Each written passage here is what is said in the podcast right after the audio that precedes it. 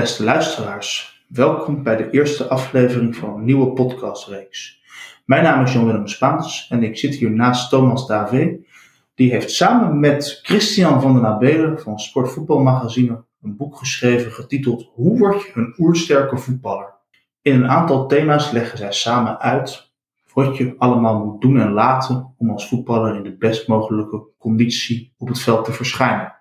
Het boek zal gepresenteerd worden tijdens een sportcongres dat gehouden zal worden op 25 en 26 juni aanstaande. En de opbrengst van het boek komt geheel ten goede aan SOS Kinderdorp. In deze eerste podcast gaan wij bespreken het bioritme. Eerste vraag voor Thomas is: kunt u kort uitleggen wat het is, bioritme? Kan ik. Goedemiddag. Eigenlijk gaan we uit uh, als mens, dan komen we van de evenaar. Aan de evenaar uh, nadien zijn we naar het noorden en het zuiden uh, uitgezwoven, maar eigenlijk hebben we een hele poos rond de evenaar vertoefd. Mm-hmm. En, uh, en daar is het altijd een 12-12 ritme. Dat wil zeggen dat er 12 uur licht is en 12 uur donker. En ehm, ja, ons lichaam heeft eigenlijk duizenden jaren in een context van die 12-12 gefunctioneerd. En nu zijn we dat een beetje verloren. Omdat het hier in de omgeving van België, van Nederland, een ander bioritme is dan daar. Um, nee, dat bedoel ik eigenlijk niet zo. Als we kijken naar wat dat voor onze hersenen de nacht is, dan is de nacht is voor onze hersenen de afwezigheid van drie zaken. Mm-hmm. Eén, voeding. Twee, beweging. En drie, licht. Dus als deze, want onze hersenen kunnen, uh, kunnen niet echt een klok lezen. Nee. Dus, dus uh, die, gaan af van, die hangen af van wat wij noemen Zeitgebers. In, in, in een Duits woord. Uh, tijdsbepalende omstandigheden, als het ware. En, en dus voeding, beweging en licht zijn zo tijdsbepalende omstandigheden. In onze huidige maatschappij uh, is licht uh, bijna continu aanwezig. Dus we spreken over blauw licht van, van schermen, van televisie mm-hmm. kijken, van naar onze gsm kijken, van, of van het licht aan, aansteken uh, in onze woning. Is quasi 24 uur aan. Vanaf, vanaf 6 uur wanneer we wakker worden, tot, tot half 12 als we gaan slapen is licht veel langer aanwezig dan die oorspronkelijke 12 uur. En voor de voeding geldt hetzelfde. Dus wij hebben eigenlijk voeding de klok rond. Dus als wij s ochtends om 7 uur iets eten en we eten iets om 11 uur nog, mm-hmm. dan zijn we uh, 7 uur s ochtends, 7 uur s avonds. En dan half 12 uh, of 4 uur later, 11 uur nog iets eten. Dan hebben we geen 12-12 ritme, maar dan hebben we 16-8 ritme. Zie? Mm-hmm. En, uh, en dan spreken we natuurlijk nog niet over beweging. Beweging geldt hetzelfde. Als we, als we s'avonds, uh, we zitten hier op, in, op dit moment de podcast op te nemen in de sportschool. En dan zie je, als mensen om 10, 11 uur nog aan het bewegen zijn, dan vertellen ze eigenlijk aan hun hersenen, het is nog dag. Omdat als we teruggaan naar het evolutionaire context en setting, dat we zien dat bewegen, voeding en licht echt hoorden bij die window van die 12 uur dag. Oké. Okay. Het is een bekend voorbeeld in de voetbalgeschiedenis dat um, Liverpool-doelman David James, die maakte in de FA Cup finale van, ik denk 1996, een cruciale blunder. En hij schreef dat later toe aan het feit dat hij tot zeer laat op de avond op zijn, op zijn Nintendo had zitten spelen. Dat heeft echt invloed? Dat heeft een grote invloed. Um, heel wat, wat, studies hebben uh, over de fysieke gezondheid. Dus mm-hmm. eigenlijk tijdens die 12 uur van de nacht wordt een hormoon vrijgesteld en dat hormoon heet melatonine. Onder invloed van het hormoon melatonine vinden heel wat processen plaats die horen bij de nacht, zoals uh, spieropbouw, zoals uh, herstel van, van blessures, maar ook, ook uh, reset eigenlijk van uw hersenen. Eigenlijk zou je kunnen zeggen dat uw hersenen s'nachts naar het toilet gaan. Dus als het ware dat gedurende de dag krijg je een accumulatie en opeenstapeling van afvalstoffen, die onder invloed van melatonine weer verwijderd worden. En inderdaad, als je tot s'nachts PlayStation uh, aan het spelen bent, dan heb je het blauw, dan heb je het blauw licht. En zeker als dat opwindende spelletjes zijn, uh, dat ook nog je adrenaline omhoog gaat, dan, dan, dan gaat natuurlijk de, het herstel niet optimaal kunnen plaatsvinden. Dat is niet de ideale mindset om, uh, om, om, om uitgerust aan de wedstrijd te verschijnen.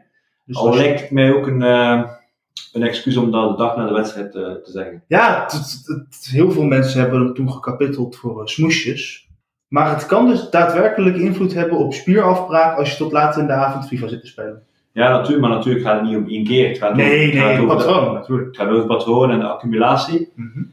En in die context is het vooral belangrijk, kijk, dat een concept dat we uitlijnen in het boek, is het, in het eerste hoofdstuk, is 12-12 ritme. En dus het komt erop neer dat het ideaal zou zijn om 12 nachturen te hebben. En 12 nachturen betekent niet 12 uur slapen. Ja, dat ging ik vragen, want mij is geleerd dat 8 uur slaap gezond is. Ja, maar ik heb het hier niet over slaap, ik heb het hier eigenlijk over non-sleep nachturen. Dus als je de 12 uur van de nacht hebt, ga je er 7, 8 van, van slapen. En de resterende 4? En de resterende 4, daar, daar kan je net de optimale winst gaan uh, boeken. Dus als je bij wijze van spreken rond 8 uur s'avonds je hersenen vertelt dat het nacht is, door het blauwe licht uit te schakelen, door bijvoorbeeld op je devices uh, een, een, knop aan te zetten waardoor het minder blauw licht is, of door een, uh, een speciale bril. ik weet dat ze bij AZ gebruik maken van die bril, een blauw lichtfilter op, op te zetten, waardoor dat je eigenlijk, ondanks dat je gewoon met je activiteiten kunt doorgaan, kun je toch wel een stuk in de recovery uh,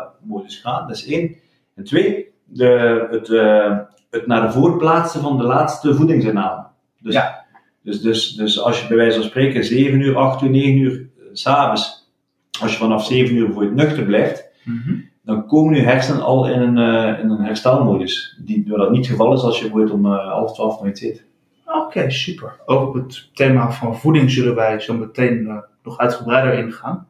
Um, wat inderdaad dan een praktische vraag is, hoe ga je dan om met het winteruur als dat uh, twee keer per jaar aan de hand is, dat de klok uh, verschuift? Ja, dus, dus met het winteruur... U bent er een groot tegenstander van volgens mij. Maar ik, ik, ik ben redelijk flexibel, maar ik merk nu toch in het zomeruur dat mijn twee jonge kinderen toch even de, de tijd hadden, nodig hadden om daaraan te acclimatiseren.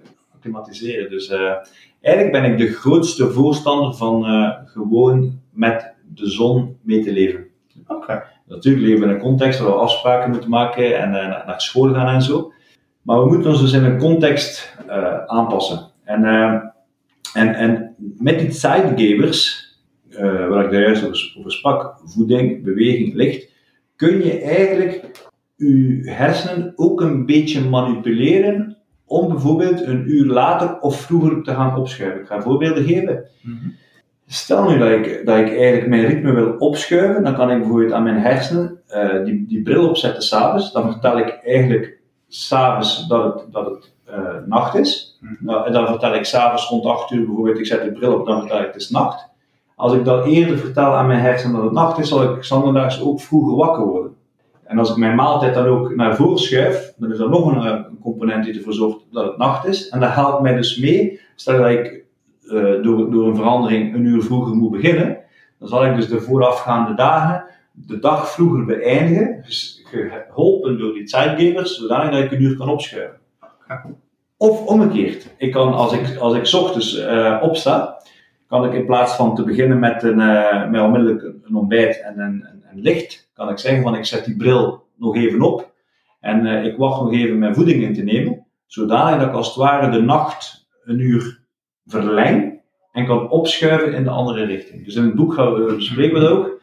Want het is niet alleen, uh, jij, jij haalt het nu aan voor winteruur of zomeruur, mm -hmm. maar dit is met name een zeer belangrijk aspect om bijvoorbeeld een optimaal moment van presteren te hebben. Eigenlijk is het zo dat iemand 12 uur nadat hij wakker wordt, fysiologisch het optimale uh, zijn prestatiecurve heeft. Dus ik word wakker om 7 uur, dan ga ik om, om 7 uur s'avonds ga ik mijn optimale prestatietemperatuur hebben. En stel dat, dat ik een wedstrijd heb -hmm. in de middag, om, om 3 uur s'avonds, ja, dan zit ik nog lang niet aan mijn optimale temperatuur. En dan is het interessant om door die sidegevers, zoals bij winter- en zomeruur, die curve wat naar voren te schuiven, zodanig dat ik bij die middagwedstrijd toch dichter zit bij mijn optimale prestatie. Dus dan moet je eigenlijk zorgen dat je om vier uur s'nachts opstaat. Eigenlijk wel, dat is een beetje, dat is een beetje extreem, maar een, een, een beter voorbeeld daarvan is bijvoorbeeld Brazilië, die Mhm. eigenlijk, uh, waar het in de cultuur zit om zo s'avonds, net zoals in Spanje, om, om laat actief te zijn. En, uh, en dan zie je dat Brazilië bijvoorbeeld fantastische goede resultaten haalt als ze om 10 uur s'avonds een wedstrijd hebben. Op, Ja, ja, ja. Maar als, als, als Brazilianen moeten spelen om, om 1 uur, dan is dat uh, een goed, uh, een goed nee, dan zijn de resultaten veel minder. En dat zie je bijvoorbeeld als je een doorsnee dag neemt in de La Liga, ook met de tv-rechten en zo. Dan zie je dat er soms wedstrijden om 10 uur starten, maar soms zelfs om 12 uur. Ja, ja, ja. Maar dat is, dat is 10 uur verschil. En als je net uit je bed komt Ja. om, om, om tien uur en, eh, en je moet dan presteren, de- kijk, eh, dat is niet in zijn extreme natuurlijk, maar stel je als Spanjaard of Braziliaan moet je eigenlijk een wedstrijd doen om 12 uur 's middags, ja, dan is dat cultureel heel moeilijk. Omdat net zoals je zei, David James, eh, Mhm. die Spanjaarden en Brazilianen gaan ook lang opblijven, niet alleen voor PlayStation te spelen, maar ook gewoon cultureel. Maar als je een wedstrijd hebt om 12 uur, dan is het interessant om je hersenen daar de voorgaande, de voorgaande dagen op voor te bereiden. Door daar die voorafgaande dagen te vertellen aan je hersenen van kijk, het is nu sneller nacht dan dat het cultureel zou zijn. We gaan, we gaan nu onze sociale contacten, onze voeding en ons licht gaan beperken.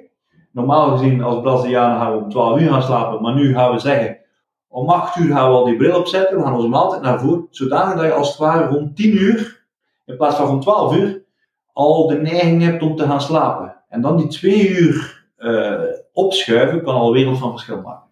Kijk. Ja. Want ik heb gekregen van een vriendelijke Vlaamse eh, tv-medewerker de serie Kustboys van KVO Stende, waarin Alexander Blessing, de trainer, ehm, een idee boven tovert om op wedstrijddagen, dat een wedstrijd bijvoorbeeld om 7 uur s avonds aftrad, toch nog een training op de wedstrijddag te doen. En dat is revolutionair in het voetbal. Ja, ik was heel blij. Ik was heel blij met het artikel. We hebben er zelf ook eh, een artikel bovenop gedaan. eh, Want, want kijk, het is eigenlijk een ander thema, maar eh dat gaat over, over maar het sluit aan. En, en dat gaat over bewegen op de dag van de wedstrijd. Wij zijn, wij zijn geen voorstander van, van liggend die dag door te, door te brengen, de uren voor de wedstrijd. Als je, vandaag is het zo dat er, als er een avondwedstrijd is, eh, of een middagwedstrijd, dat, dat eh, iedereen zelf slaapt en zo. Mhm. Maar in de normale prestatiecurve, wat ik er juist gezegd heb, van 7 uur s ochtends of van 8 uur s ochtends naar 12 uur later dat je de optimale prestatiecurve hebt,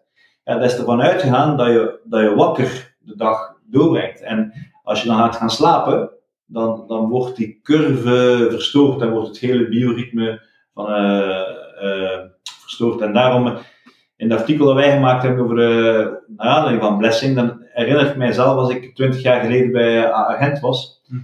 En dan was er een coach, en die, die heette eh Remy. En die deed de dag van de wedstrijd deed hij réveil musculaire. Dat is wel een mooi woord. Een spierslaapje? Nee, nee, het wakker worden van de spieren. Maar Frans, dames en heren, het uh, gaat er niet over. Réveil musculair. En dus het, het, wak, het wakker maken van de spieren, een voeting, door, door gewoon uh, lekker die bal rustig uh, rond te bewegen. Ja, en, zo kennen we verschillende voorbeelden in, in België van jongens die het concept uh, aan overgenomen hebben. Die, die de dag van de wedstrijd hun auto wassen of uh, de hond uitlaten. Maar wat dan mooie activiteiten zijn die, die zouden helpen, is, is in plaats van te slapen, is, is bijvoorbeeld pingpongen. Omdat pingpongen is een, uh, een activiteit die eigenlijk in de hersenen dezelfde delen activeert als bij voetballen. Dus eigenlijk door te pingpongen bereid je je brein als het ware voor op de activiteit die straks komt. Oké. Okay. Ja, dus uh, ja, absoluut. Slapen overdag, uh, dat staat ook in mijn boek, dat is al meer hoofdstuk 2. En dat, dat komt bij, ja, kijk, je hebt enerzijds, uh, als wij spreken over bewegen, spreken wij over twee aspecten. Eén, trainingsuren, maar twee is het onderbreken van de rest van de, van, van, van de sedentary lifestyle. En dan zie je bijvoorbeeld, iemand traint twee uur, maar als hij voor de rest dan 14 uur per dag. Want zelfs voetballers zitten te veel. Ja, dus, dus, dus een, de dokter, als ik in West Ham United werkte, dus, dus, uh, heeft, dus de dokter die ook een publicatie gedaan heeft, en die zegt dat uh, voetballers are alarmingly uh, sedentair. En dat komt omdat je twee risicofactoren hebt. Enerzijds, de eerste risicofactor is, is niet bewegen, niet geen sport doen. Die helpt niet, want ze trainen twee per dag. Maar het andere is onderbreken van de zittijd. En dat hebben voetballers niet. Ze zitten uren onafgebroken Netflix te kijken of, of, of te gamen. En ze zouden eigenlijk, wat een mooie verandering zou zijn, is dat je gewoon de zittijd zou onderbreken. Door even die hartslag omhoog te laten gaan. Door bijvoorbeeld even de trap te nemen of uh, uh, een paar keer op te drukken. Zodanig dat je je hart er regelmatig aan herinnert dat je mens bent. Duidelijk. Dus om dit blokje af te sluiten. Ehm, het is natuurlijk een maand vol met sport. Ehm, er is een EK voetbal, de Copa America, de Olympische Spelen. En dat zal allemaal, zeker die laatste twee evenementen, zullen veel wedstrijden hebben die niet op evidente aanvangsuren ehm, zijn voor ons in Europa. Wat zou u een sporter aanraden die toch per se om drie uur s'nachts een wedstrijd op de Copa America of Olympische Spelen wil kijken? Een, een, een luisteraar die wil kijken, bedoel je? Een sporter. Een sporter die... Ja, die toch om drie uur s'nachts een wedstrijd wil kijken. Ah zo, ah oké, oké, oké. Om daar zo min mogelijk last van te hebben. Maar als je dan toch s'nachts wil opstaan, dan, dan zeg ik van oké, eh, zet, dan je, je, je blauwe lichtfilterbril. Oké. Dan, eh, als dat één tip is, en, en als je dan toch s'nachts opstaat, dan eh, eh, eh, ga niet in de verleiding om s'nachts te eten. Zie? Dus als je s'nachts opstaat Mhm. en je eet, ja, dan ben je ver van huis. Want dan heb je echt in het midden van die nacht verteld aan je hersenen dat het eigenlijk dag is. Met het blauw licht is hetzelfde. Dus, dus sta op, kijk die wedstrijd dan als je toch wakker bent, als je niet kan slapen. Maar doe het met een blauw lichtfilterbril en, eh, en zonder te eten. Duidelijk. Oké, dan dank ik Thomas voor zijn expertise ter zake en sluit bij deze de eerste podcast in deze reeks Hoe word je een oersterke voetballer af? En ik dank u voor het luisteren.